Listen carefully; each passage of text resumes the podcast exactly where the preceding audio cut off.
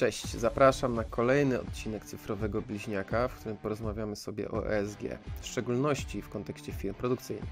Zapraszam. Cyfrowy Bliźniak to podcast, w którym pokazujemy w przystępny sposób, jak skutecznie przeprowadzić transformację cyfrową Twojego biznesu.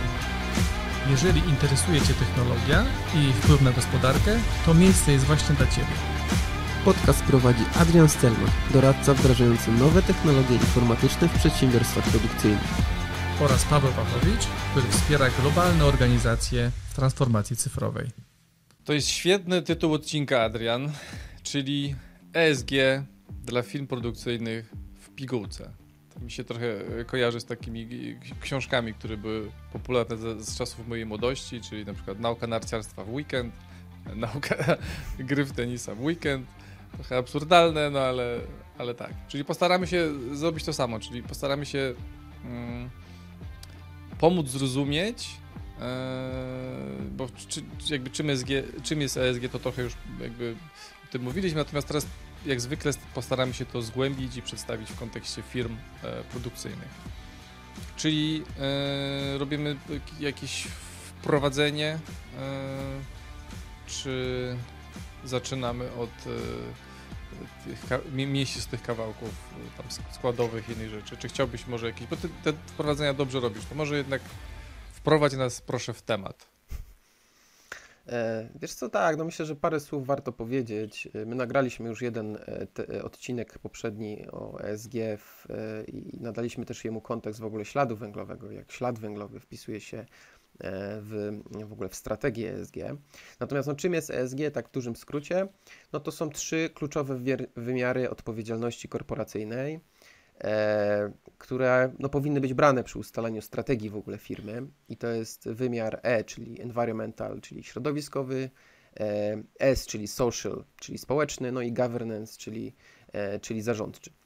E, I to jest, można powiedzieć, coraz e, jakby z miesiąca na miesiąc, z roku na rok jest to, jest to taki w zasadzie parametr, można powiedzieć, czy ocena firmy, która e, coraz bardziej no, wpływa na czy to decyzje konsumenckie przy zakupie, czy to decyzje inwestycyjne przy, przy inwestowaniu firmy. Więc generalnie firmy, które mają swoją strategię SG i które, no, że tak powiem, komunikują ją otwarcie, no, są po prostu statystycznie lepiej postrzegane przez, e, przez społeczeństwo. Tak, ja sobie, ja sobie tak myślę, że jest coś takiego w, w, w Chinach już stosowane, jak taki social score. Ja sobie myślę, mhm. że w stosunkowo niedługim czasie pewnie powstanie e, taki, taka usystematyzowana jakby hierarchia organizacji, które E, dbają mniej lub bardziej o, o, te, o, te, o, ten parametr ESG i sobie myślę, że ludzie mogą, będą mogli do, dokonywać decyzji w oparciu o to, czy będą kupować od firm, które najbardziej dbają e, jakby o ten, o ten parametr. Czyli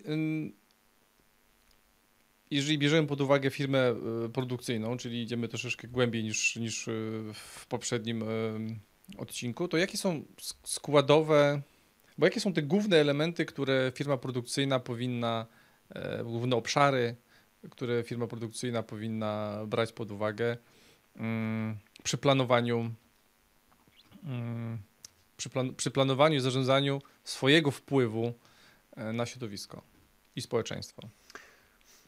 Mm, to znaczy, wiesz co, możemy teraz rozszyfrować jeszcze raz te, mm, te, hmm. te skróty i właśnie odpowiada w sposób, który pozwoli odpowiedzieć na to pytanie, czyli jak firma produkcyjna tak naprawdę e, mm, może dbać o, o te poszczególne składowe.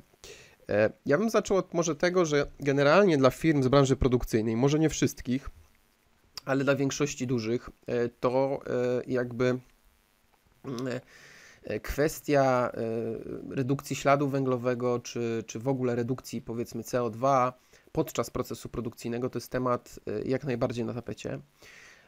Firmy płacą bardzo duże pieniądze za to, żeby ze względu na to, że, że po prostu te emisje CO2 mają zbyt duże.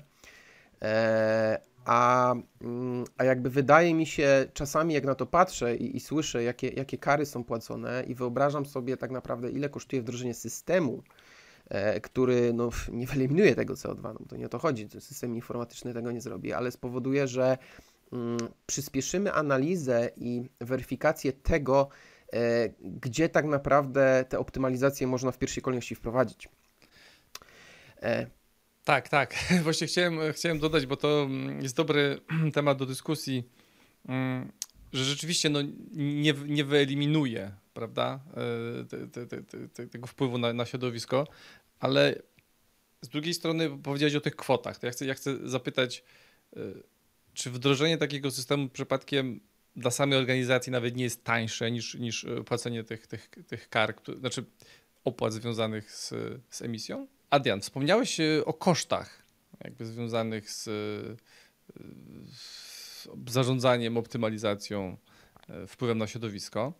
Mm, no, z jednej strony mamy, mamy te koszty, które jakby ponosimy, a z drugiej strony mamy koszty implementacji systemu, który może pomóc nam nie wyeliminować, ale zdiagnozować miejsca, w których, e, w których optymalizacja da nam największe ROI w kontekście dbania o, o, o środowisko. Mógłbyś ten temat trochę rozwinąć?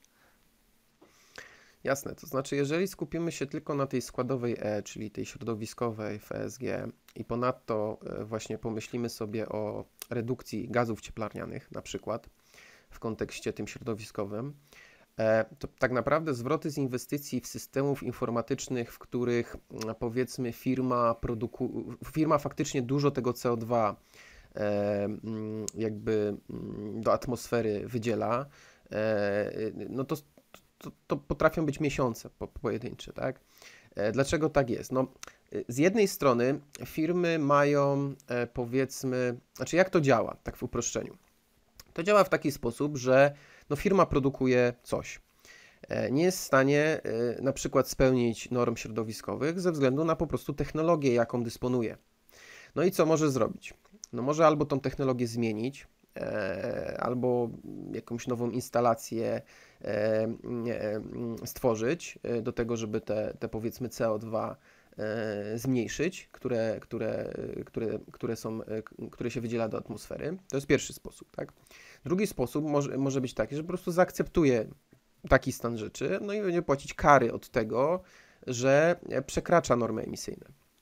No i trzeci sposób jest taki, że poszuka obszarów, w których pomimo tego, że, że te CO2 na przykład do atmosfery wydziela, e, e, jakby zredukuje całkowity ślad węglowy w innych obszarach. Tak?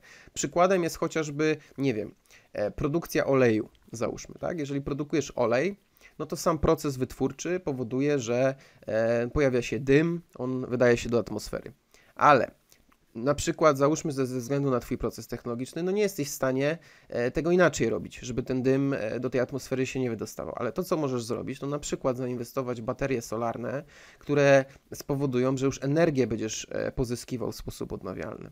I w taki sposób zredukujesz Twój całkowity ślad węglowy. Tylko, że żeby wiedzieć, w którym kierunku pójść, żeby wiedzieć, co Ci się bardziej opłaca, co mniej, no to musisz mieć właśnie system, e, który automatycznie takie rzeczy ci jest w stanie podpowiedzieć. I koszt zbudowania tego takiego systemu to są setki tysięcy złotych, e, czasami może to być w okolicach miliona złotych, ale to jest nieporównywalnie mniejsze e, w stosunku do tego, ile właśnie firma, e, duża firma i to w takiej skrajnej branży może wydawać na, na właśnie na, na, na, na kary okay. To dlaczego skoro ta stopa zwrotu jest oczywista i, no i dla dużych organizacji milion złotych to nie jest spory wydatek, Dlaczego to się nie, nie dzieje w takim razie tak jeszcze masowo? Bo nie ma jakby regulacji, które do tego zmuszają, czy jak, co wynika z, jakby z rozmów, które ty prowadzisz? Że powodów jest kilka. Po pierwsze, wydaje mi się, że to jest e, brak takiej świadomości trochę, że w ogóle takie rzeczy da się, e, da się robić. Z drugiej strony, brak zaufania do tego, że taki system realnie może pomóc. Mm. to jest jakby pierwszy, pierwszy powód. Drugi powód, no to jest temat stosunkowo można powiedzieć świeży, bo o ile systemy RP są znane na rynku od dziesiątek lat, systemy klasy MES, no to też 20-30 lat, o tyle takie systemy, które są de facto taką trochę nakładką na systemy MESowe, czyli takie, takie moduły, można powiedzieć, systemu MESowego, które pozwalają e, mm, jakby śledzić e, jakby ten ślad węglowy całkowity, no to jest mm, stosunkowa, e, można powiedzieć, nowość na rynku. No i też nowe na rynku są tak rygorystyczne kwestie legislacyjne jak teraz.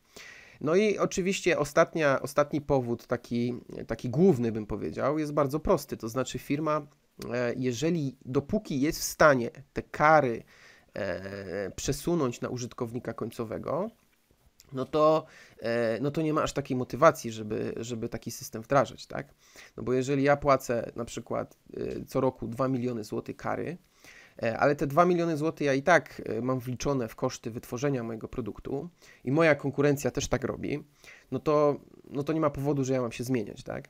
Natomiast jeżeli ktoś z tego, e, z tego jakby paktu, nazwijmy to, wyłamie się, jedna firma spowoduje, że, że taki system sobie wprowadzi, co spowoduje, że zmniejszy swoje koszty wytworzenia bo ten koszt kary, można powiedzieć, jest częścią tego kosztu wytworzenia, to w tym momencie jest w stanie zyskać realną przewagę konkurencyjną, bo po prostu produkować to samo, z taką samą jakością, ale znacznie taniej. No i być może zdominować rynek.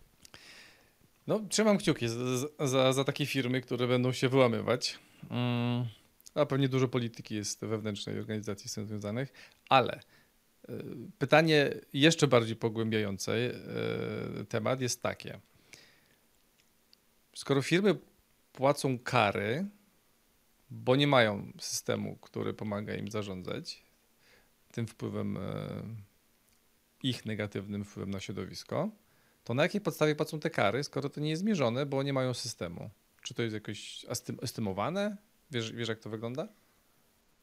To znaczy, każda firma to jakoś mierzy, tak? Bo to nie jest tak, że, że, że, że wiesz, to jest tak, jak mówiliśmy w poprzednich odcinkach o, takim, o takiej estymacji chociażby naszego śladu węglowego, tak? E, każda firma jest zobligowana do raportowania tego, tylko chodzi o to, że ten poziom, e, ten poziom e, raportowania, on nie jest tak szczegółowy. My nie schodzimy na poziom jakby pojedynczych detali produkowanych, tak? My schodzimy na poziom pewnego rodzaju ogółu i pewnego rodzaju na przykład kontekstu całego miesiąca. Czyli na przykład wiemy, że skoro w miesiącu wyprodukowaliśmy tyle e, jakiegoś tam towaru, na ten towar zużyliśmy tyle i tyle e, energii elektrycznej, no to e, i tyle i tyle surowców, no to jesteśmy w stanie mm, jakoś to, jakoś to przeliczyć. I to będzie bardzo dokładne przeliczenie, jakby te końcowe, pod powiedzmy taką karę. Natomiast to nie będzie dobre przeliczenie pod to, żeby wiedzieć, y, no gdzie to redukować. A redukować można naprawdę na wiele sposobów, tak? Bo tutaj, jeżeli sobie popatrzymy na cały taki łańcuch wartości, który, który firma buduje, no to takim najbardziej oczywistą jakby elementem redukcji też takim, za które firmy w pierwszej kolejności zaczynają, e, od czego zaczynają, to są odnawialne właśnie źródła energii, tak? Czyli staramy się zużywać mniej energii e, mm, sieciowej, staramy się być bardziej samowystarczalni. Natomiast e, no chociażby produkcja, e, poprawa na przykład e, produkcji opakowań, tak? To jest też sposób na redukcję śladu węglowego. Na przykład wykorzystywanie do produkcji surowców odnawialnych. Ale możemy iść jeszcze głębiej. Na przykład, jeżeli firma kupuje sprzęt komputerowy albo kupuje ubrania dla pracowników. Przecież też można korzystać z surowców, które pochodzą z recyklingu. Nie? Jeżeli popatrzymy sobie na całkowity ślad węglowy, który, który firma, nazwijmy to, przetwarza, tych czynników jest tysiące i w każdej firmie da się znaleźć takie, e, które w jakimś tam stopniu, e, czasami bardzo drobnymi decyzjami są w stanie spowodować, że ten ślad całkowicie jest zredukowany. Okej, okay. czyli to jest ta różnica pomiędzy jakby estymacją, a pomiędzy faktycznym zdiagnozowaniem tego, gdzie e, są wąskie gardła, gdzie, gdzie, gdzie, są, te obszary, które można by zoptymalizować, które dadzą e, największy ROI. A chciałbym wiesz, co? To ja tylko mhm. mogę coś, jeszcze ci coś dopowiem, bo to jest tak, jakbyśmy porównali sobie, wiesz co, działanie konta bankowego, mhm. nie? To jest tak, że masz jakąś tam kwotę X na swoim koncie na początku miesiąca, e, no i na końcu miesiąca, tak? No i to jest bardzo dokładna kwota. Wiesz, wiesz ile miałeś na początku, wiesz, ile miałeś na końcu. E, załóżmy, że na początku dostałeś wszystkie, e, wszystkie wypłaty i tak dalej, wszystkie przychody, a na samym końcu e, uwzględniłeś wszystkie opłaty. Nie? Więc wiesz, ile masz na końcu, wiesz, ile miałeś na początku, więc też wiesz, ile wydałeś. I to jest bardzo dokładna wartość. Mhm. Natomiast nie wiesz, na co wydałeś. Tak?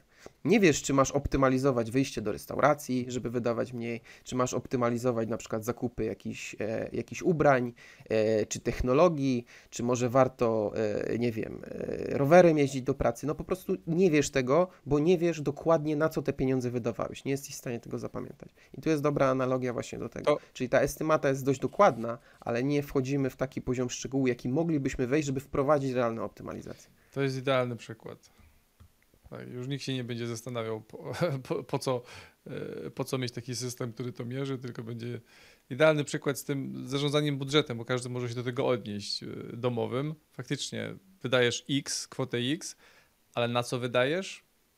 To już mało kto to No chyba e, jakby trakuje i jest w stanie powiedzieć, że no, przez te i te działania najbardziej obciążyłem swój budżet na przykład. Okej, a Tak. znasz przykłady firm polskich lub, lub globalnych, które mm, robią coś inaczej, robią coś lepiej, robią coś jakby w taki sposób, który mm, wpływa na ich wizerunek też. Nie, jakby nie, nie, nie tylko na przykład y, robią rzeczy, których nie widać, a one dobrze działają na środowisko, ale też starają się to w taki trochę CSR-owy sposób y, komunikować, trochę wykorzystują to może e, nawet dla swojego e, benefitu, bo wydaje mi się, że no, firmy to są jednak organizacje, które są stworzone po to, żeby generować zysk. Więc jeżeli inwestują e, w to, żeby zmniejszać e, ten wpływ na środowisko, to fajnie też jak, jak o tym komunikują, bo wtedy ludzie mogą e, na podstawie tych, tych, tych informacji podejmować decyzje związane z, stricte z tym, że będą wspierać firmy, które jednak dbają o, o, mm, zmniejszenie wpływu na środowisko.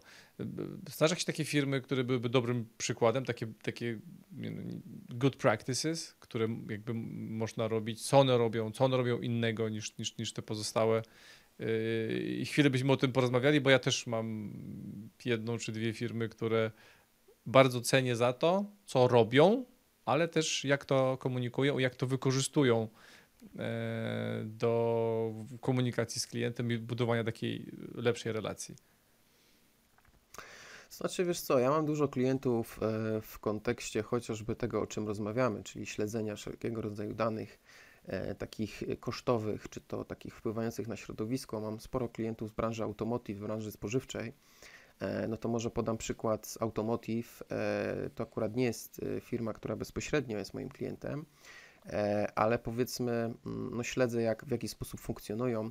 Mianowicie jest to firma Tesla, e, gdzie no, z jednej strony produkują samochody elektryczne, e, co jeżeli jakby energia, jeżeli jest pozyskiwana e, z źródeł odnawialnych, powoduje, że no, te, te samochody powiedzmy są zeroemisyjne, e, czyli no, jakby nie wpływają e, powiedzmy na to, co nas dotyczy e, mieszkając chociażby w dużych miastach, tak? czyli na ten, na ten nazwijmy to taką zawiesinę w powietrzu, którą wdychamy później, Mhm. tak? no bo to, to, to jest ta zawiesina, która pochodzi z samochodów czy, e, czy z domów. E, No i, ale ponadto firma Tesla, to też nie każdy wie, ona zajmuje się produkcją e, chociażby dachów solarnych, dachówek e, solarnych, e, mm, czy takich, e, nazwijmy to, całych infrastruktur, e, które powodują, e, które pozwalają na ładowanie samochodów elektrycznych. E, I to jest przykład takiej firmy, która no jakby działa w duchu, myślę, tej, tego takiego ESG z naciskiem na tą kwestię środowiskową. Mm. No, też, też chciałem o, o Tesli, ale mam inny przykład, który jest troszkę nawet bliższy mojemu sercu. Jest to firma Patagonia. Kiedyś już o niej jakby wspominaliśmy. E, Ja kiedyś w związku z tym, że no, byłem osobą, która lubi chodzić w góry, dalej, dalej jestem, ale chyba troszeczkę mniej, no to byłem zafascynowany tą kulturą, która to tym, tym, tym community, które się wytworzyło e, wokół, mm, wokół tego brandu. I, i, i pa, pamiętam taką sytuację, że kiedyś y, y, mieszkałem w Stanach Zjednoczonych i spotkałem takich, y, takie osoby, które no, bardzo dużo chodziły po górach i, i, się zastanawiałem, co za fenomen, bo, ta, bo te ta odzież nie jest tania, to, to jest stosunkowo droga odzież. I pytałem się, jak, o co chodzi, czemu wy tyle pieniędzy wydajecie na, na tą odzież. I to była właśnie ta komunikacja jakby z klientem. Czyli, czyli po pierwsze to była transparentność, ale też transparentność tego, z jakich na przykład Mm, ekologicznych półproduktów zostały te, te, te, te kurtki wykonane. Jest też, te kurtki czy ta, czy ta odzież. Jest też mm, taki program Patagonii, który nazywa się Worn Wear. E, jakby i tam chodzi o to, że mm, nie wyrzuca się e, na przykład jak się jakaś dziurka zrobi czy coś, to po prostu się tego nie, nie, nie, wyrzuca, tylko się naprawia i się użytkuje ponownie. To jest absurdalne, bo teraz jest taki czas, że no, że, że no mało kto to robi. Ja pamiętam nie, 20 lat temu może w Polsce była taka sytuacja, że można było pralkę naprawiać. Ja nie wiem, czy to się, to się naprawia takie rzeczy, czy się nie kupuje nowej, bo ta naprawa to jest 70% wartości nowej, więc to może się nie opłacać. Więc promowanie E, właśnie takich e, mm, takiego podejścia, że, że na przykład naprawiamy albo że komunikujemy, że dany tam pierze skaczki, bo to chyba takiego używają, było pozyskane w taki sposób, że kaczki nie cierpiały na przykład. No, to jest niesamowita, niesamowity przykład tego, jak można robić dobre rzeczy, ale można też potem y, w odpowiedni sposób je komunikować i cała firma, i cały, i cały brand, i cały wizerunek tej organizacji zyskuje przez to, że firma robi dobre rzeczy, ale wie też, jak je mm, zakomunikować. Czy to, że tam jakby używają y, recykli, recyklinowanego poliestru.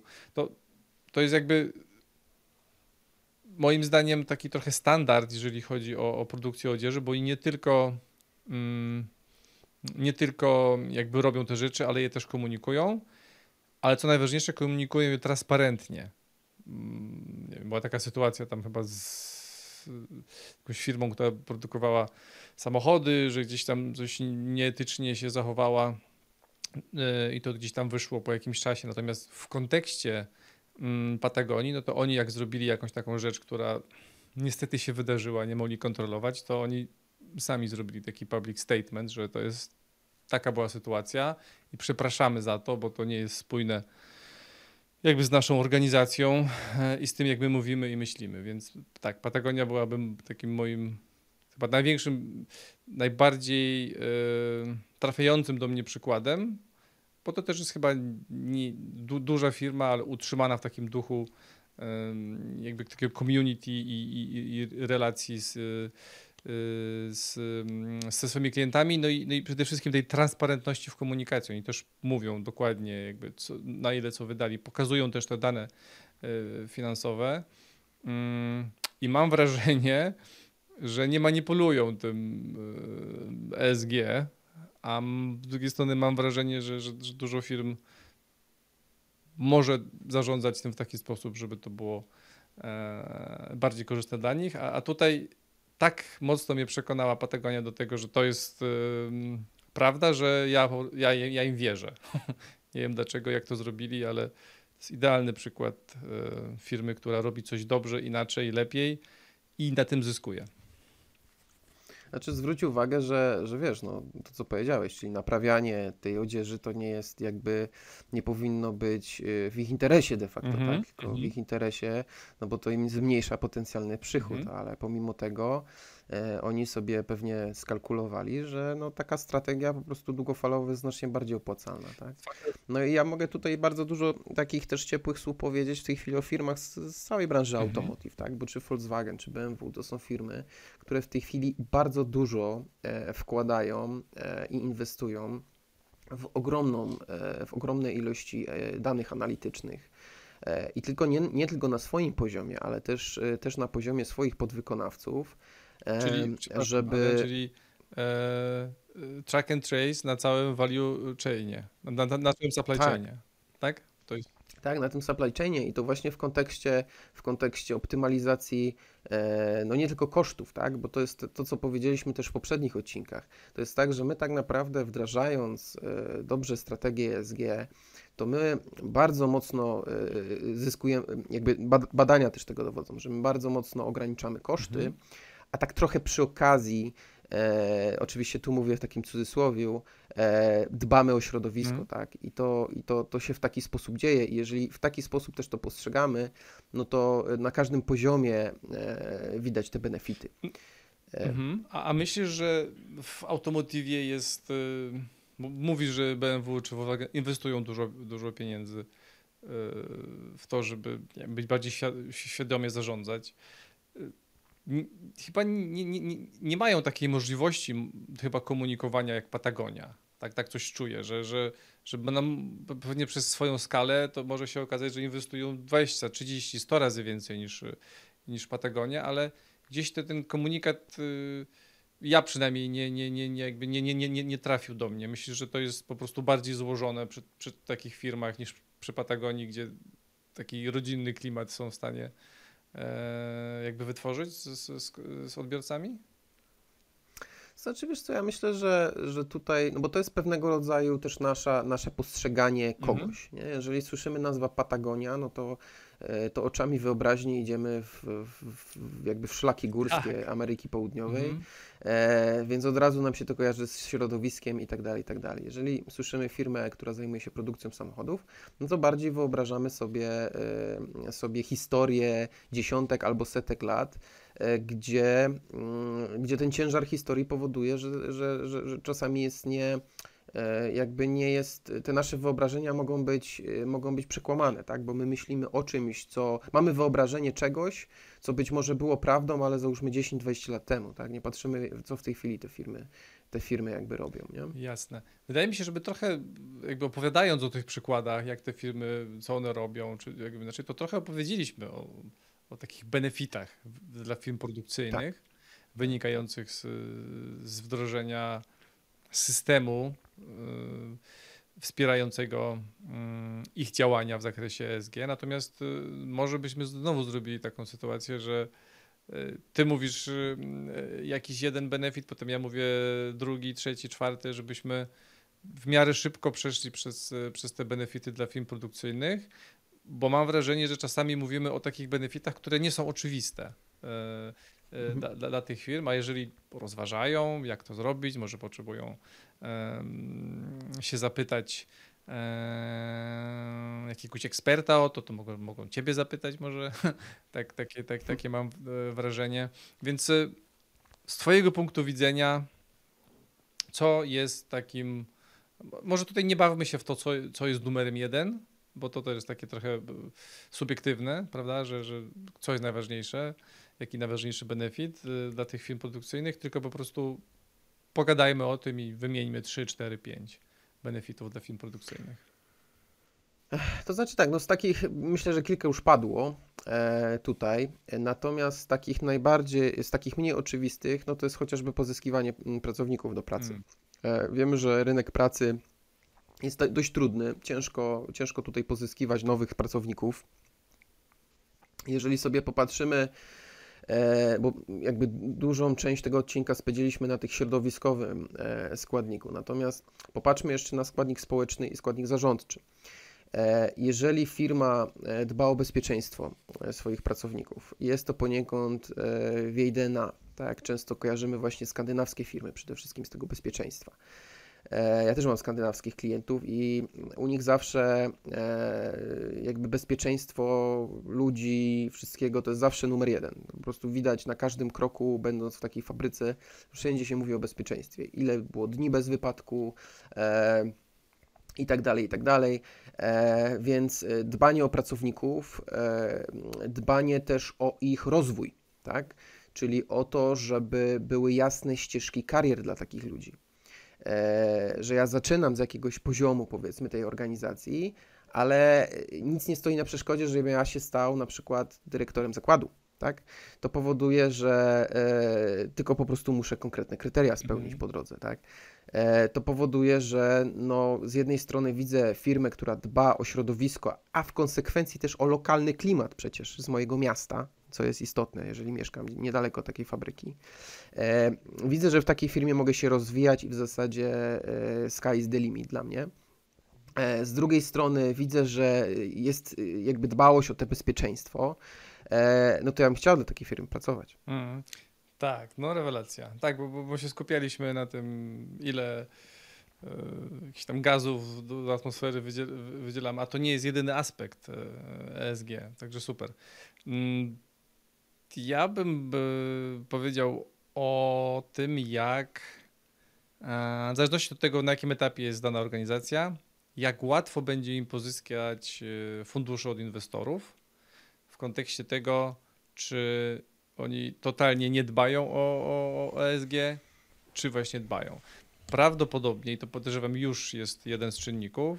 Mm, inwestorzy, zanim mm, zdecydują się wyłożyć pieniądze na rozwój danej tam organizacji, to już teraz patrzą na to, czy ta firma, na jakim ona jest teraz etapie. Bo tak jak ty, zresztą ty już powiedziałeś chyba w, w tym odcinku, że no, te kary są, mogą być przerażające, więc te kary będą prawdopodobnie coraz większe, jeżeli nie będziemy tym zarządzać, więc jakby pieniądze wydane na rozwój muszą trochę też zakładać stopę zwrotu, która będzie zmniejszana poprzez te kary, które będą nakładane na, na organizację. Więc taka atrakcyjność dla inwestorów yy, to jest mój nie najważniejszy, ale jeden jakby z najważniejszych elementów, który firmy które, są, które mają w perspektywie pozyskania jakichś funduszy, powinny to brać pod uwagę, bo teraz wszyscy będą to brali pod uwagę.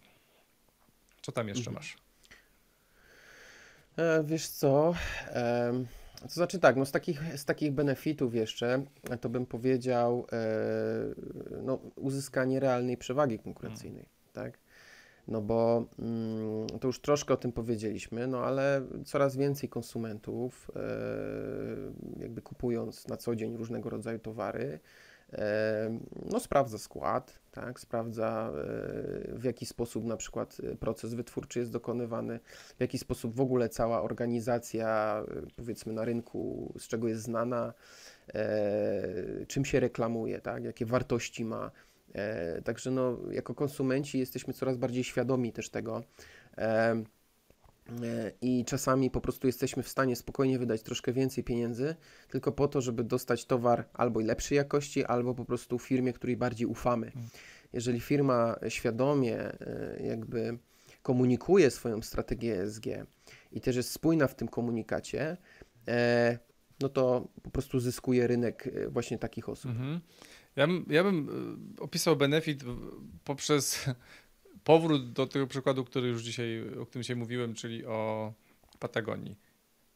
Jestem w stanie e, zaryzykować takie stwierdzenie, że oni zwiększyli swoją sprzedaż poprzez taką, a nie inną narrację. Czyli to, że oni się sfokusowali na wdrożeniu komunikacji, transparencji i, i, i dbaniu o te trzy parametry ESG, e bezpośrednio wykorzystali jako swoje działania marketingowe i sprzedażowe i wyprzedzili konkurencję w taki sposób, że ja nie wiem, czy, czy, czy jakakolwiek inna firma wydając miliony, dziesiątki milionów na marketing i reklamę byłaby w stanie osiągnąć taki efekt finansowy, jaki osiągnęła E, Patagonia, więc to byłby mój.